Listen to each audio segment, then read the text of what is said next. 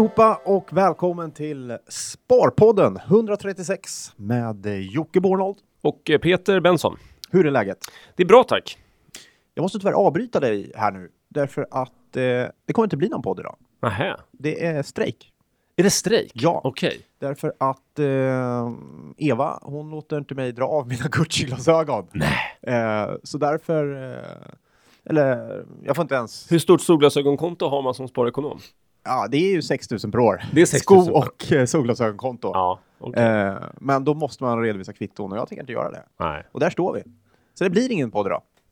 Så vi, tack för att ni valde att lyssna ändå. Men eh, Ja, det är bra Jocke. Jag tror kanske att vi överskattar vår betydelse om vi jämställer oss med piloterna på SAS som trots allt är en viktig länk i kedjan för att hundratusentals människor ska få en bra semester och kanske affärsresa. ja. Eller? ja. För det är det du syftar på lite grann kanske? Eller? Nej. Nej, det gör jag väl inte. Men eh, vi har strejk i Sverige. Det är inte så jätteofta vi har det Nej, faktiskt. vi är inget strejkande folk riktigt. Nej, det är inte, vi är inte som fransmännen som strejkar en gång per kvartal känns det som. En grève Mm. Eh, vad tycker vi om den? Eh, nej, men, eh, det är väldigt svårt att förstå eh, hur man ska resonera för att ha sympati för de här piloternas önskemål, säger jag utan att ha någon som helst detaljkoll på hur det är att vara pilot. Ja. Men det framstår inte som en, en det är inte samhällets olycksbarn vi pratar om. Nej. Eh, och ja, de, har, de, de har väl misslyckats lite pedagogiskt kan man säga med att få ehm, gråtarna på sin sida. Mm. Eh, men, eh, nej men och, och SAS, jag menar, det är ju ett viktigt börsbolag och den aktien, den faller ju som en sten. Så det här var ju uppenbarligen lite, lite oväntat kanske. Ja, det får man nog säga. Eh, nu ser det ut att bli ganska utdraget. Ja. Eh, och eh, det här är tisdagen vi spelar in. Mm. Eh, strejken är fortsatt igång. Eh, tittar man på det från ett mänskligt perspektiv så är det förstås för många väldigt, väldigt jobbigt. Eh, att man missar flyg, man ska någonstans. Det kan vara bröllop eller fotbolls-EM eller den där semestern som man gnetat för att få ihop i, i hela året. Eh, eller tagit sms-lån för att få åka iväg på. Eh, så är det ju förstås rätt hemskt. Men rent krasst bolagsmässigt, det är också ganska hemskt. Det här är inte så bra för SAS. Jag kikade lite grann och det kom en siffra på 30 miljoner om dagen. I kostnad för strejken. Och den är nog Ja. låg tror jag. Ja, jag tror okej. den är högre. Ja, det kan vara så att den ligger uppåt 40. Uh, då sinar kassan ganska snabbt. Verkligen. Och sen har man den här faktorn att, att det länge såg ut som att SAS var så himla mycket på rätt väg. Mm. Man gjorde stora grepp för några år sedan. Eh, just och fick med sig facket på en massa bra saker. Eh, och man har fått rätt mycket saker i mycket bättre skick än vad det var tidigare. Eh, och dessutom så har det varit lite så att säga, andrum på marknaden. Och lönsamheten har pekat upp och man har känt så här wow, nu händer det för SAS. Mm. Och nu känns det inte så riktigt längre. Eh, och sen så är det massa snack om att det om några år kommer drösvis med ny kapacitet med nya flygplan till eh, Norwegian och andra konkurrenter Ja. Som kommer då kanske förstöra prisbilden. Och Rickard Gustafsson som är vd på SAS, han eh, har ju framstått lite som en eh, Hjälte, ja. hjälte. Ja. Mannen som vände SAS. Ja, Han kanske skulle ha slutat eh, för ett halvår sedan. för det ser mörkt ut. Eh, kollar man på SAS så har ju aktien sjunkit eh, ganska rejält. Eh, handlas idag någonstans kring 18 kronor. Eh, årsskiftet 28,80. mm. Eh, och då är det ju inte bara strejken utan man kommer ett Q2-resultat. Eh, det är ett brutet eh, räkenskapsår för SAS. Eh, Q2-resultatet var också väldigt lågt. Man har svårt att tjäna pengar trots att allt fler flyger med dem. Eh, och kabinfaktorn kan man väl va? Mm. Eh, hur många som åker med per flygplan. Hur mycket man fyller upp dem är hög. Eh, bränslekostnaden borde ju vara rätt låg Mm. med det här oljepriset. Men det lyfter inte om man får säga så. Om man får säga Eh, så. ja, Precis. eh, för, för SAS. Så det är tufft. Ska man äga flygbolag? Är det så? Är det flygbolag? Ska man bara äga dem Ja, men- med hjärta? Eller eh, Ja, det, finns, det det? det finns ju en, en, ett gammalt ordspråk som är att det, det bästa sättet att skapa, det enklaste sättet att skapa sig en liten förmögenhet, det är att ha en stor förmögenhet och investera i flygbolag. ja. Ehm, för det blir en liten förmögenhet. av det. men ja, men det, det, är notoriskt svårt och det finns ju sådana här strukturella faktorer. Du, du, den med den traditionella flygbolagsmodellen så gör du ju miljardinvesteringar. Ehm, och sen så är det en, nästan en perfekt konkurrensutsatt marknad. Ja. Och sen så är du gisslan hos då i väldigt många länder de här fackförbunden som när som helst kan säga att nu tycker vi att er miljardinvestering ska stå på marken och inte generera några intäkter. Mm. Eh, eh, Vi kan spela lite golf så länge och så kan vi se vem som börjar svettas först. Ja. Och, och det brukar ofta vara flygbolagen som börjar svettas först och ge med sig och, och då är man fast i en, i en spiral där det egentligen är personalen som så att säga äger bolagen och aktieägarna får, får bara stoppa in pengar när det behövs nyemission. Just det. Det är sällan det går pengar åt andra hållet. Då kan man undra om det moraliskt kan man ju kanske ifrågasätta en strejk sådär. Man kan tycka att den är oschysst. Men rent marknadsekonomiskt eh, så kanske det, tror det blir piloterna som blir vinnarna ändå. Tror att det blir SAS som får ge sig. Ja, ingen aning. Nej. Har ingen aning. Jag menar, det, det, det, slutar med någon kompromiss förhoppningsvis. Men, men det visar ju bara att, att man har en, en, en dysfunktionell relation med delar av sina anställda. Så att, eh, oavsett vem som vinner så, så är det ju illavarslande för framtiden att, att man har delar av organisationen som inte så här drar sig för att liksom sticka en kniv i, eh, eh, i sin arbetsgivare. Nej. Och det är ju inte en jättebra utgångspunkt för att liksom bygga ett bra bolag. Nej, Det känns som det kan vara Och samtidigt är det snack om att Norwegian, de ska börja flyga med thailändsk personal till exempel. Just det. Snack om. Och um, ja, någonting säger mig att de kommer ju rigga det där på ett sätt som inte är präglat av hur, hur eh, arbetsmarknadslagstiftningen såg ut i, Norden på 60-talet, utan de har ju ett mer modernt kan man kalla det för, eller mer företagarvänligt eh, upplägg Ja. för de här thailändarna eller vad det nu blir för någonting. Mm. Eh, och det kommer ju SAS få jättesvårt att konkurrera med. Ja, det är ju så att eh, kostnaden är nog för hög för personal fortfarande för SAS. Mm. Även om eh, många har fått backa, även piloterna har fått backa en, en del, så, så är kostnaderna för höga. Eh, och då undrar man ju varför gör man inte någonting åt det? Varför tar man inte in utländsk eh, Ja, men det är ju så vidare? eh, så att säga insider-outsider problematik. Att för de pil- piloter som sitter där så är det ju alltid skönare att få behålla jobbet några år till med den där höga lönen. Mm. Ehm, jag har ju lite sådana här SAS preferensaktier privat. Jag hade mer förut men har sålt en del och vi hade även SAS preferensaktie i vår Börsplus portfölj. Just det, och eh, det är väldigt många som har den. Ja. Eh, det är väldigt populär. Jag tror många av våra lyssnare har SAS preferensaktie. Jag tänkte, hur ska man tänka där? Ja, jag vet inte. Vi, vi kom ju fram till att man borde sälja den där och vi gjorde också det i vår portfölj då på säg 551 kanske någonting sånt där. Eh, Så det var väl ganska bra att göra det. Eh, För nu står den i 518 eller någonting i den stilen. Ja.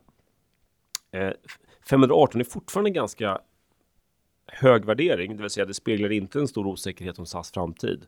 Eh, Den här kommer lösas in någon gång i framtiden för 525 kronor om inte SAS konkar. Eh, Så att det här är ingen krisvärdering på något sätt. Eh, Under 400 så, så kan man börja prata om att det finns en riktig upplevd risk för att det kommer bli eh, svårt för SAS att lösa in den. Så Ja. att eh, vill man vara på det. Jag har ju som sagt fortfarande en del av den här aktien så att jag pratar emot mig själv. Men jag tror att det finns fallhöjd kvar i preferensaktien om, om läget förvärras. Ja. Absolut. Eh, men den är, ju, den är ju mycket, mycket tryggare än stamaktien, alltså den som har fallit från 28 till 18. Eh, preferensaktien är mycket stabilare. Den ger ju 50 kronor nästan då garanterat i utdelning eh, så länge SAS klarar sig undan konkurs. Just det. Och det är ju väldigt långt därifrån. Jag menar, de har en nettokassa, eh, massa kreditlinor och hitan och ditan. Så att eh, det, det är inte så att, det är inte en ekonomisk kris på det sättet för SAS. Eh, nej, inte än i alla fall. Eh, jag tror att kassan någonstans i SAS är nog kring ett par miljarder tror jag. Så Mm. den är ganska stor. Eh, samtidigt, ja, strejken får inte hålla på för länge. Nej, Eh, för det nej. är klart att det finns en problematik med, med strejken. är ju inte bara det att man tappar intäkter nu och man drar på sig väldigt mycket kostnader för man ska boka om och, Mm. och hotell och så här. Man tappar antagligen väldigt mycket försäljning också. Eh, man köper inte resa nästa vecka. Då bokar man inte SAS Mm. eh, till exempel. Så att ja, det är, det är tufft. Men finns det lite känslan kring SAS-preffen att man har lite statlig backup? Tror du Ja, att det ja. finns en sån eh, pris? Eh, Ja, det tror jag alla gånger. mm. Det, det tror jag alla gånger. Och, och, eh, Är det så då? Är det så? Ska man tänka så? jag, jag, Känns den säkrare? Är SAS-preferensaktien säkrare på grund av det statliga nej, men? Eh, Jag är helt övertygad om att det så att säga finns en nyemission till i SAS i den bemärkelsen att skulle de hamna på pottkanten så kommer det finnas ägare där ute eh, som kommer kunna tänka sig att stoppa in mer pengar. Eh, och eh, givet hur, hur, strukturen är i SAS så kommer det sannolikt vara på ett sätt som, som, som gynnar preferensaktieägarna. Det vill säga det kommer in pengar som kommer vara som en säkerhetsmassa som, som är till stöd för preferensaktien. Det kommer inte vara så att man lyckas eh, eh, pressa upp preffägarna mot väggen och, och tvinga dem att godta dåliga villkor. Utan, utan, för det är väldigt svårt att göra det i ett bolag som SAS mm. av olika skäl. Eh, utan sannolikt så kommer man kunna göra en nyemission till på säkert superrisiga villkor för stamaktieägarna, men det kommer kunna komma in pengar och det kommer gynna preffägarna. Eh, särskilt tror jag här, om, om de hamnar på pottkanten för att sympatierna ligger hos SAS här så att säga. Om, om facket skjuter dem i sank så tror jag att eh, då tror jag det finns extra stor beredskap från de här staternas sida att eh, eh att inte låta SAS gå i konkurs på det, av det skälet. Nej. Och det är ändå så här, det är 10 000 anställda, det är 40 miljarder i omsättning, det är 2 miljoner kunder tror jag. Och det är eurobonuspoäng och vet, det, det, här är inga, det här är SAS är en stor sak. Ja. Eh, i, särskilt i Sverige men även i Danmark och Norge. Mm. Eh, så. Um, ja, det är spännande. Ja, vi får se vart SAS-strejken tar, tar vägen. Tar vägen. Men eh, eh, gåsleverstrejk var det någon som eh, skrev. Ja. och eh, eh, ja, det kanske är så lite grann. Jag känner igen problematiken i alla fall. Eh, ökad konkurrens, eh, ny teknik. Eh, det är lite grann som att vara finmäklare på 90-talet och, och, och, känna att det kommer nätmäklare och det kommer ny teknik ja. och, och man sitter där med en, en hög lön och, och man försvarar den in i det mm. längsta. Det, mm. det är naturligt, men man vet ändå vart det barkar hän. Liksom. Just det. Fast skillnaden är att de här finmäklarna hade ju, de, de satt ju inte med hundratals liv i sina händer och en flygmaskin värd flera hundra miljoner. Nej. Så att deras förhandlingsposition var ju inte så bra. Nej. Därför finns de inte kvar idag. Nej, exakt. Eh, men så blir det nog för, för det är klart att piloterna till slut måste inse det. Så är det. Ja, ja vi får se vad som händer. Um... Ska vi? Uh... Vi går vidare. Ja. Eh, Laurits. Ja, just det. Vi har ju fått lite, Vilket, det var ju spännande utveckling efter att vi hade Mette och Lars här. Ja, verkligen. Verkligen. Eh, vi skrev en liten analys från SvD Börsplus sida där vi gav rådet att man inte skulle teckna i Laurits börsintroduktion. Ja. Eh, vi tyckte värderingen var för hög, kort sagt. Okej, okay. ja. Eh, det finns massa roliga saker med Laurits och det är intressant och, och eh, jag gillade Mette och Lars och jag gillar Laurits, jag gillar aktioner och, och, och, de har en stark position som är värd något. Men det händer jättemycket med tekniken så att det finns risker och värderingen var svår att fatta kort sagt. Mm. Och det gick inget bra heller. Nej. Eh, det blev en flopp skulle jag vilja säga. En jätteflopp. Eh, vad, vad hände i korthet? I korthet kan man säga så att eh, allt eh, verkade lappa på. Eh, man skulle på noteringsdagen dock eh, så drar ju handeln igång klockan nio Eh, och jag tror det var 20 över 8 så kommer det ut en pressrelease. Och eh, som helt enkelt beskriver, från Laurits, som helt enkelt säger att eh, eh noteringen är inställd. Mm. Så det blev ingenting. Eh, och sen kom det inte så mycket mer information och där skyllde man på teknik tror jag bland annat. Ja. Eh, det är inte så snyggt. Det är jag. inte så snyggt och Stockholmsbörsen gick snabbt ut och sa nej, det är inget tekniskt problem hos oss i alla fall. Nej. Um, och det är alltid känsligt och, och väldigt, det väldigt känsligt kring emissioner och noteringar och så vidare. Och, och man vill ju förstås att eh, det ska gå bra. Eh, men det kom ju ingen information eh, förrän sent på eftermiddagen. Eh, och det visade sig till slut efter mycket om och men att en större, minst en större investerare drog sig ur. Mm. Eh, och då kände ABG ABG Sundal Collier som var den bank som skötte mm. noteringarna. Som är en fin bank får man säga. Ja, det måste man ju säga. En Absolut. av de mer ansedda. Ja. Efter Carnegie så är, väl, är det väl den så att säga ledande oberoende Just det. firman här i stan. Ja, och eh, då kände väl de att det här kommer inte gå väl. Det kommer mm. inte bli en bra notering, eh, utan risken är att vi får ett ganska stort fall. Mm. Och då valde man att stoppa. Vad tycker du om det då? Eh, du, var, du har ju varit ute och, och med stora motorsågen. Ja, jag, tycker det är en, jag tycker det är ett fiasko. Ja. Eh, och, och det, det sa jag i Dagens Industri också, att det är ett fiasko. Och ja, man måste kalla det ett fiasko när det är ett fiasko. Mm. Därför att eh, det ska inte behöva... det känns märkligt att det blir så dag, den, samma dag som man ska notera sig. Mm. Eh, så eh, väljer man att avbryta och sen finns det uppenbarligen ingen eh, plan för hur det här ska gå till. Utan det går ut ett press, en pressrelease från bolaget som uppenbarligen är helt fel. Eh, och det tar väldigt lång tid innan man får några svar överhuvudtaget. Eh, så det var ju ett fiasko. Absolut. Och nu vill man ju starta om så att säga. Så nu kommer det ju en, en, i dagarna här en, ett nytt prospekt. då. Just det. Med Och det- lägre pris har utlovats. Med lägre pris. Det som man kan säga är bra med det hela, ja det är ju att ABG drog i nödbromsen då. För annars hade vi varit ett gäng privatsparare kanske då som Mm. eh, hade tecknat sig och inte eh, fått reda på vad som hade hänt och så eh, hade aktiekursen dykit. Så att eh, på det sättet bra. Alla som har tecknat sig får en ny chans. Eh, om man vill vara med eller inte. Mm. Och, Allt annat lika så kommer ju folk vara extremt mycket mer skeptiska nu. så är det ju. Eh, även om det är lägre pris. Så, så Absolut. de måste ju kompensera eh, dels för att priset var för högt från början och sen också ge en extra rabatt antagligen. Så är det ju. Därför att man kommer ju undra, och det undrar jag också, vad var det som hände? Det, det, vad var det som hände? Mm. Eh, Det var en institution som drog sig ur. Men med tanke på tiden, att man valde att gå ut och bromsa då en halvtimme innan börsen öppnar. Och just att det fanns ingen plan kring det, det fanns Mm. ingen kommunikationsplan. Var ett kommunikationshaveri helt enkelt. Gör ju att det här skedde nog väldigt nära inpå. Mm. Och ja, så brukar ju inte institutioner agera om det inte är någonting. Alltså, kan det inte bara vara så här? Någon har tecknat sig för säger vi 40 miljoner. Eh, Ja. Inser att här kommer vi torska antagligen eh, kanske 20 procent. För att vi har man inser alldeles för sent att det här blir alldeles för dyrt. Ja, 20 procent på 40 miljoner, det är, vad är det? Det är 8 miljoner kronor.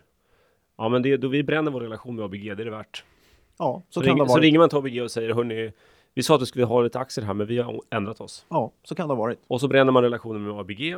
Men... eh, Är man nog stor kund så har man råd att bränna den ja, ja, relationen. man Så är ju en kund, det har man ju på namnet. Ja, absolut. Så att ABG kommer ju tvingas förlåta den här kunden om det inte är, har skett under väldigt konstiga Ja. omständigheter. ja. Nej, men det är ett stort frågetecken. Eh, vi kommer aldrig få reda på det. Nej, förstås. nej, Eh, nej. Det, det är inget som kommer komma ut. Men, men det är ett stort frågetecken. Så det, Och det är sannolikt så att, att även om det, jag tror inte att någon ljuger, men, men det var säkert. Det måste funnits stora, stora tvivel på det här eh, från många håll, oavsett den här sista institutionens val att dra sig ur eller inte. och då kanske man skulle ha känt av det Ja. innan. Vad man kan eh, ta upp då som man kan vara värt att känna till och det har med alla emissioner att göra. Det är ju att det här var på First North. mm, och inte på Stockholmsbörsen.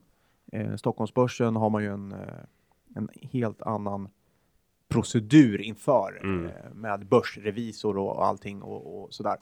Eh, men på First North har man ju någonting som heter Certified Advisor det. Eh, och det är ABG i det här fallet. Och de är ju med för att hjälpa bolaget med den typen av kommunikation till exempel, att allt sånt här ska bli rätt. Ehm, så att nej, man missade lite här, tyvärr. Mm. Men det här är ju Ehm, lite intressant, för då, då Certified Advisor är egentligen att bolagen betalar en mäklarfirma för att mäklarfirman ska i någon mening övervaka informationsgivningen. Ja, men så är det. Eh, redan det är ju lite klurigt Mm. eh, om det inte är så att alla har väldigt goda föresatser. Ja, Eh, och sen när det är skarpt läge som i det här fallet, då ställs det ju på sin spets kan man säga. just det. Eh, men börsen tittar lite grann på First North-bolag innan de Ja. noterar sig. Det gör man, absolut. Men det är inte samma digra process. Nej, det är det inte. En, en betydligt enklare process. Mm. Och, det, och det man ska förlitar ha sig antagligen en hel del på, på eh, rådgivaren, i det här fallet ABG. Ja. Men, men, eh, men det är ju ingen som har förlorat pengar på det här. Nej, det är ju skönt. Eh, Ja, Laurits möjligen, men det är ju... Laurits möjligtvis. Eh, Men, men det är ju ingen investerare som har förlorat pengar. Nej. Så det är väl Så är, jättebra. vad, vad är problemet egentligen? Jag, jag kan tycka att det här är ganska bra. Jag kan tycka att det är så här det ska fungera. Att börsnoteringar är, är, det stora händelser, viktiga händelser. Ehm, eh, av 20 noteringar så kommer inte alla bli bra. Det vore konstigt om de blev det. Eh, och några kommer dras tillbaks. Det är också helt rimligt tycker jag. Ja. Eh, för att man har så att säga siktat för högt eller siktat fel eller det, det är liksom det håller inte måttet. Och då dras det, dras det tillbaka här nu på ett sätt som gör att ingen investerare förlorar pengar. Eh, Men det är ganska nesligt för alla inblandade så att man, man, man får sig en minnesbete och försöker göra bättre nästa gång. Ja. Eh, Men Det blir väldigt dramatiskt för just det bolaget. Ja. Man kan se det som i en hel i hela IPO-marknaden. Ja, det är klart något går snett. Men det blir väldigt dramatiskt för det bolaget eh, som hamnar i den situationen. Eh, sen vems fel det är, ja det vet inte jag, men, men det blir det. Och det blir väldigt tufft. Tittar man historiskt på de som dragit tillbaka och sen försöker igen så är det ju jobbigt. Ja, Det är andra gången är mycket jobbigare än första så att säga. Eh, just för de skäl som du säger att ja, man får betala, man straffas för den misstroende pengen man vill ha då. Eh, men det blev väldigt stort, eh, inte bara i Sverige utan var med i dansk tv och pratade om det och sådär. Så att eh, ja, nej, ja, det är också ett bolag som är ganska välkänt och det är lite skillnad då. Är det, mm. vi hade ett bolag innan, dagen innan, som också hade problem faktiskt. Flex Enclosure, Eh, så. Ja, det kanske Eller var det dem? Nej, det var det nog inte. Eh, Det var ett annat bolag, tror jag, eh, som hade problem. Men, men det, det är inte så välkänt Nej. publik då och det blir väldigt mycket intresse kring ett bolag som folk känner igen, som, Mm. som många gör med Laurits. Ja, vi får se. Var tror du priset hamnar? Eh, Det var mellan 19 och 21 kronor. det var mellan 19 och 21. Jag tror att de, för att vara på säkra sidan så bör de ligga söder om 15 spänn. Ja. Det tror jag. Jag tycker det var, Tror du de kommer tycka det är värt det då? alltså det är väldigt speciella omständigheter. Det här är ett ganska skuldsatt bolag och mycket av de här pengarna skulle gå till att få ner skuldsättningen. Ehm, och, och, så det här var inte ett sätt för, för huvudägarna att, så att säga, casha hem utan ett sätt att, att städa upp balansräkningen. Och även faktiskt städa upp huvudägarens balansräkning. För att Ja. eh, Bengt hade lånat, ut, hade lånat pengar av Laurits. Så att mycket av emissionslikviden skulle gå till att återbetala det här lånet, vilket alltså då skulle vara pengar till Laurits. Okej. Ja, så att eh, de behöver nog helt enkelt nya pengar, Laurits. Så att frågan är om de har så mycket alternativ. Ja. Annars så skulle man ju lätt kunna tänka sig att man drar sig tillbaka, väntar ett par år, sen alla glömt det här och sen Just så har man hittat något nytt bra eh, så att säga, köpargument och, och, och så kanske man kan gå tillbaks på 25 kronor per aktie istället. Ja. Jag tänker lite på Dometic som vi har på börsen nu som är en lyckad aktie och lyckad börsnotering. Men de fick ju dra tillbaka under nesliga former för sig 10 år sedan. Just det. Eller nio år sedan kanske. Mm. Ehm, så att, så att det är inte det är inte slutet på världen, eller det, det, det är inte hela världen att dra tillbaka alla gånger, men, men just Laurits fall, vi får väl se. Ja. Men jag kan tycka så här, sälj lite mindre aktier och sänk priset och, och så är alla glada. Ja. Typ. Typ. vi får se hur det går. ABG är inte så glada kan vi säga. Nej. Det här kan är ju säga. inte så smickrande för deras förmåga att eh, läsa av vad marknaden tål för priser. Nej. För när man går till en sån här rådgivare och, och de ska betala och de vill ha typ 30 miljoner betalt för att skriva ett prospekt och lite annat. Eh, rätt mycket är ju att, att bolagen vill ju köpa in sig i, i en ypperlig förmåga att läsa av vad marknaden efterfrågar. Ja. Vad, vad är rätt pris? Eh, ha kontakt till rätt kunder. Eh, det är ju sånt som man betalar för. Och, Yes. och där har ju inte ABG då riktigt bevisat sina eh, eh, fantastiska förmågor i och med det här. Nej. Så den, den, det är klart. Man låg helt fel i pris, kort sagt. Ja. Eh, men jag håller med. Bra att man ändå avbröt eh, och att alla får en ny chans. Absolut. Eh, jättebra. Bra, ska vi köra lite frågor? Yes, vi tar två frågor. Ska jag Ja, läsa en lång fråga här? Ja, gärna. Eh, från Anton. Mm. Eh, eh, Hej, mitt namn är Anton och jag tänkte bolla en idé med er. Eh, Nuläget är som sådant att jag deläger en bostadsrätt som för närvarande är belånad till cirka 16% av bedömt marknadsvärde. Alltså nästan inte alls, säger Mm. jag då. Mm. Eh, gör jag, säger Anton då, gör jag ett cirkeldiagram över min nuvarande kapitalallokering är skrämmande tungt investerad i Stockholms eh, marknad för bostadsrätter. Eh, det, är måhända sägas, det kan måhända sägas vara en säker hand, men tillåt mig att tvivla. Skriver Anton. Är det en dum idé jag fått eller bör jag med sund ekonomi och riskminimering i åtanke belåna mig ytterligare? Säg max 50% av säkerhetens värde för att sedan allokera detta kapital in i andra tillgångar.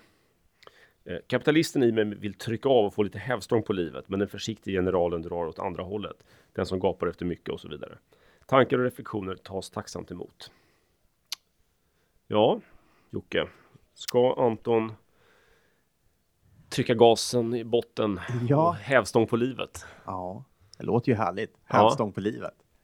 Ehm, det där är en svår eh, fråga och kan nog inte ge något svar direkt till Anton. Eh, men det är så otroligt olika hur man känner och tycker. Ehm, för många menar, för många är ju målet att bli skuldfri. Mm. Eh, det är en jätteviktig eh, för många och liksom någon slags drivkraft. en del har enorm drivkraft att eh, lägga pengar på hög. Men jag tror väldigt många har en stark drivkraft i att vara skuldfri och, och känna, eh, känna den friheten. Är man satt i skuld är man inte fri, Mm. som Göran Persson sa. Ehm, så att eh, jag tror det är väldigt olika från person till person. Jag tror Mm. inte det finns något som är rätt eller fel. Eller, eh, tittar jag på jag själv så försöker jag nog maximera min balansräkning hela tiden. Mm. Eh, och har gjort det i, i hela mitt vuxna liv. Eh, och, och försöka ligga rätt mellan belåning och, och eh, Du, du, investeringar. du, och du, du jobbar inte efter att göra dig skuldfri med andra ord? Nej, det är inget självändamål, absolut inte. Ehm, utan har väl någon, någon slags... Eh, eh, jag gillar ju det här att det ska gå jämnt ut när jag dör. men, men jag får gärna, Ja. gärna föra vidare någonting till mina barn också, absolut. Eh, det är väl inget fel. Men det är inget, Minnena. minnena kan man få. Eh, men det, det är en... Det är jätteviktigt och där får man nog känna efter själv eh, vad, vad man vill göra. Och, och känner han att, att eh, jag menar riskmässigt, eh, nej den känns ju väldigt låg eh, om man går på det här eh, Mm. siffrorna han redovisar. Det är klart att för min del så hade jag ju Nej, då ligger jag ju betydligt högre i belåning och, eh, och sparar istället för att amortera eller gå ner på skuld. Mm. Eh, och det tror jag ju någonstans att, att eh, det, det behöver inte vara dåligt. Eh, Det Nej. är en strategi som jag tror på att, att eh, inte bara amortera ner på lån och ligga lågt i lån utan man kan också fundera på man kanske istället investera de pengarna Mm. och låta det. dem arbeta åt dig. Eh, så jag tycker inte han är fel ute. Absolut inte. Vad tycker du? Ehm, jag tycker ett par saker. Dels så, så eh, hans exponering mot Stockholms bostadsmarknad minskar ju inte en, ett jota bara för att han köper massa andra saker. Nej, Alltså den är ju vad den är, eh, är eh, i kronor räknat. Och som procent av hans nettovärde så är det också precis samma. Ehm, därför att han, han, det förändras inte om att han så att säga, belånar upp sig och köper aktier eller vad han nu gör. Eh, så det är lite feltänkt att tro att han risksprider. Ja, han risksprider på tillgångssidan, men han riskökar ju på eh, skuldsidan. Skuldsidan, ja. Eh, så jag, jag skulle inte se att, att, det är ett, att den här manövern gör man inte för att minska risken, utan den gör man i sådana fall för att, som han säger, få lite mer hävstång på livet. Eh, och det kan jag å andra sidan tycka att, eh, nu om jag är lite så här psychobabble här och bara gissar lite om Anton, så skulle jag tro att det kanske är rätt bra för honom. Ja. Och få lite hävstång på livet. Jaha. Nej, men om man, om man har 16 belåning och, och känner att det känns eh, eh, oklart om han ska öka den eller inte, då, då, eh, då är han en ganska försiktig general. Ja. Eh, och man ska inte göra någonting som man är obekväm med. Men, men om vi också gissar att Anton är ganska ung eh, så kan man tänka sig att eh, ja, men livet är långt och, och det ska levas. Så jag tycker han ska um, belåna upp sig lite, köpa lite bra aktier eller fonder eller någonting sånt där. Eh, och se hur det känns. Ja. Hur ska man tro på exponeringen mot eh, bostadsmarknaden där då? Han var lite skeptisk. Ja, men den är ju vad den är. Om, om man inte har några planer på att flytta eller, sälj, eller, eller hitta en hyresrätt någonstans. Men ingenting talar för att han är en höjdare inom kommunalfacket. Och med andra ord så kanske han inte har så lätt att få en hyresrätt. Nej. Eh, och då, eh, då sitter han ju där han sitter, det vill säga han är exponerad mot Stockholms bostadsmarknad för att han bor här. Ja, Eh, Det var det vi snackade väl om i förra podden va? absolut. Att det kommer han inte undan. Nej, Så länge han ska bo här. nej. Eh, sen kanske han kan bo mindre, men, men, eh, Sannolikt kommer han... men det är ett annat beslut. Å andra sidan är sannolikheten eh, att han kommer bo större Ja, framåt. Om man nu ska se den boenderesan så är det ju så att ja, skulle det börja sjunka så sjunker ju alla objekt. ja, ja. Nu gissar större, vi så- vilt. Han kanske är 95 Ja. år gammal och vill Ja. ha hävstång på livet. Eller så är Anton 25 år gammal och det är viss skillnad. det är viss skillnad. Men, men okej. Ska vi gå vidare? Ja, men det gör vi. Eh, tack för Absolut. bra fråga Anton. Ja, den var bra. Eh, gasen i Eh, botten. Högst oklart svar, men eh, en bra fråga. Ja, Eh, jag har en fråga till dig okej. eh, från Jonas. Och det är en Volvo-fråga. Volvo. Volvo. Jag är en trogen lyssnare. Kan du inte läsa den här på göteborgska? Nej, okej, förlåt. Eh, jag är en trogen lyssnare ända sedan Jan och Günthers första avsnitt. Tack för att ni axlat manteln och gör en fortsatt högintressant podd. Ja, jag slutar där. Ja. Eh, min, frå- tror jag. min fråga, fundering handlar om Volvo och Volvo Cars. Jocke pratar så ofta varm om Volvo och skämtar också om att de säljer många bilar. Eh, Kan det inte finnas lyssnare, sparare som tror att Volvo fortfarande säljer personbilar? Och vad tror ni om Volvo Cars på börsen i framtiden? Det spekulerades väl i ett inträde på obligationsmarknaden, något som borde vara ett tecken på framtida börsnotering. Kanske kinesisk, svensk eller både och. Hälsa Eva. Ja, det ska vi göra. Absolut. Tack Jonas, bra fråga. Jag håller med. Jag, jag gillar ju Volvo. Ja. Vad är det Ja. du gillar? Gillar du Cars eller AB Volvo? Jag gillar båda. Du gillar båda? Eh, men om vi börjar med eh, Volvo AB. Mm. Ehm, så mötte jag faktiskt den eh, igår, att, att det är fortfarande många som tror att man investerar i bilarna. Ja. Och AB Volvo är det som är på börsen och Just som det. håller på med, med, med eh, tunga fordon och anläggningsmaskiner och vad det nu är. Och bussar och lastbilar Ja. och eh, båtmotorer. Och, Allting som inte är personbilar. Ja, och eh, jo, jag gillar ju det bolaget. Jag är aktieägare där också, är oftast det. Eh, och varför gillar jag det? Nej, men någonstans bottnar det, det är lite hjärta. Jag gillar stora maskiner. Jag tycker de bygger häftiga grejer, men också att de samtidigt är det så också att de eh, ligger väldigt i framkant. Mm. Eh, de känns som att de jobbar väldigt hårt med eh, att utveckla den här produkten och ligger framkant där. Och ibland missar man det lite i Volvo. Man tänker på gammal industriföretag, men Mm. känns som att de eh, jobbar väldigt, väldigt bra med det. Och jag tycker det är spännande. Jag tycker det är lite spännande. Volvo, Volvo har nog lite framtiden för sig. Jag tror ändå det Mm. på lastvagnssidan. Eh, så det, det är ett intressant bolag. Men eh, Volvo Cars kanske är ännu mer intressant faktiskt. Eh, nu kan vi inte investera i dem, men Volvo Cars gör just nu eh, allting rätt. Mm. Eh, vilket är så här Oväntat. oväntat, Men högst kul, oväntat. jättekul. Och för de som inte var med i de här svängarna då, så sålde Volvo AB, Volvo Cars, till Ford. Ja, först det Renault va? Nej, är Ford, förlåt. Till Ford. Ja, Eh, och eh, eftersom Renault-affären blev aldrig av. just det. Eh, men det var inte någon bra ägare tror jag. Mm. Ford kändes inte... Ford var ganska svagt. Eh, Vi är lite och, tillbaka till den eh, här fackdiskussionen, för de hade ju lite bekymmer på hemmaplan med fackförbund och kostnadslägen Mm. och annat. Och man, man blev nog ganska styrt. Men eh, till slut blev det ju så att Ford var i en sån risig sits eh, att man var tvungen att sälja av och man valde att sälja Volvo Cars till ett kinesiskt bolag som heter Geely. Och eh, de finns börsnoterade. Mm. Eh, Jag har varit och hälsat på dem faktiskt. Har Utanför det? Shanghai någonstans. Ja, vad spännande. de hade ju massa fabriker, men vi Ja. var i en fabrik och träffade någon vice vd eller någonting sånt där. ja. Det var precis när det här höll på att hända. Det var jättespännande. Vad fick du för uppfattning om dem? Nej, jag, jag, fick, jag drog ju helt fel slutsatser, för jag fick ju känslan att, att eh, de skulle packa ner hela Volvo i, i små lådor och skippa över till Kina ganska snabbt. Ja. Men det har ju precis gått tvärt emot. Det har blivit jättebra. Tvärt emot ja. Ja. Och, och, Så att jag, förlåt Gili för att jag tvivlade på er. ja. Men det är jättespännande. Jag tycker Volvo Cars är ett eh, fantastiskt läge. Man, man eh, har fått ganska fria händer känns Mm. det som. Eller väldigt fria händer. Och man gör de bilar man vill. Och säljer väldigt mycket bilar. Och är ett av de märkena som går bäst. Väldigt oväntat, eh, måste man säga. Eh, och tar ganska tuffa beslut. Eh, och det är få bolag som gör det. Och kanske tar man de här tuffa besluten för att man har en ägare och, och inte är börsnoterat faktiskt. Därför det är, eh, vet inte om ni hängt med på det, men Volvo Cars bestämde sig för att vi ska bara göra en motor. Jaha, Vi ska okej. bara göra fyrcylindriga motorer.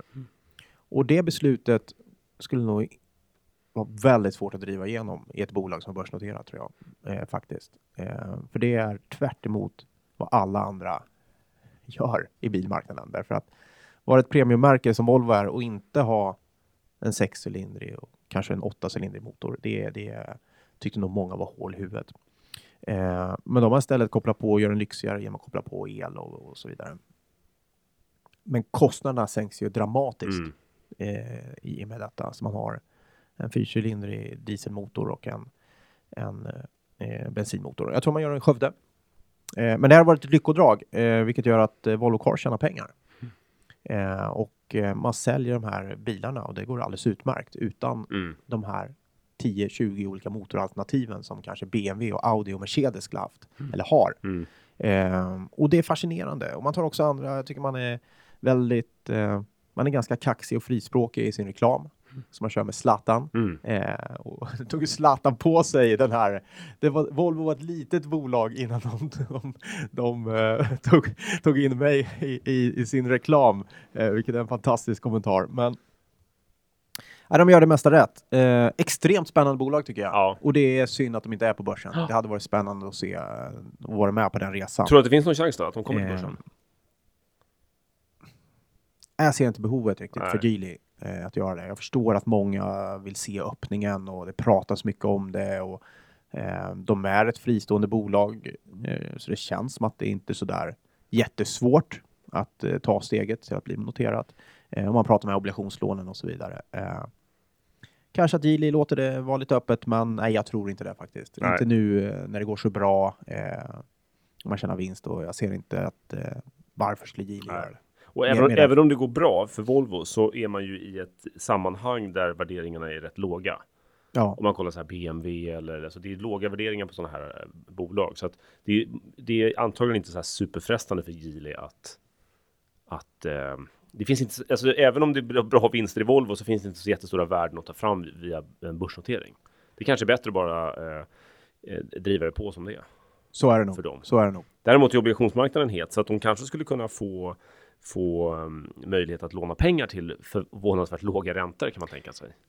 Ja, och det, Men det betyder inte, jag tror inte alls att det har att göra med, eller häng, behöver hänga ihop med någon börsnotering eller någonting sånt där. Tvärtom. Jag tror mer att eh, Geely eh, ser det som ett bra sätt att finansiera löpande finansieringen av Volvo Ja. är via obligationsmarknaden. Ja. Eh, för den är, den är så pass... Eh, det är ett billigt sätt Ja. att låna pengar på för ett europeiskt bolag Mm. eh, som eh, Geely inte kommer åt. Så att Nej, just det. det, det är nog så, tror jag. Tyvärr. Och hade här- varit superkul. Ja, det hade det varit. Men sammanblandningsrisken är ju stor. Jag, jag vet inte, varje gång jag lyssnar på um, något engelskspråkigt medie man pratar om Sverige, då, och så får, kommer frågan, ja, vilka är de eh, mest kända svenska börsbolagen? Då är det många som säger, ja, det är Volvo och, Mm. och jag är ju jättebra Cars. Ja, ja, det är sant faktiskt. Ja, det får de nog leva med, tror jag. ja, sånt är Eh, livet. Sånt är livet. Men det är inte Eh, längre någonting som AB Volvo behöver vara generad över. Givet att Nej. Volvo Cars går så Verkligen bra. inte. Verkligen inte. Eh, och även där, mycket teknik i framkant. Jag tror det kommer komma massa intressanta saker från Volvo framöver faktiskt. Mm, mm. Och ska man se det som investering, så vad som är bra med Volvo i alla fall, det är att Volvo är så Är du pass- på AB Volvo? Ja, jag är på Volvo Cars. Du på Cars, Men vi kan ta även AB Volvo. Det är att de är så pass stora och driver på så mycket utveckling att det kommer komma andra bolag som drar nytta av det. Det kommer komma också avknoppningar säkert eh, och sådana möjligheter eh, som driver vidare och intressanta bolag. Eh, jag tror att PowerCell, undrar om inte det har varit en Göte- Just det. varit involverad Mm. och kommer från Volvo faktiskt. Så det kommer säkert den typen av bolag till börsen. Men Mm. Volvo Cars själv tror jag inte tyvärr. Nej, nej. Eh, Snyggt! Bra. Ska vi runda av kanske lite och ge oss ut i solen? Ja, men det gör vi. Ja. Absolut. Tacka Najara som eh, ser till att vi sköter oss och eh, får en podd. Eh, ja, stort tack Najara. Stort och... tack allihopa. Vi, eh, vi hörs nästa vecka. Det gör vi. Sköt om er. Ha det Hej. bra. Ciao.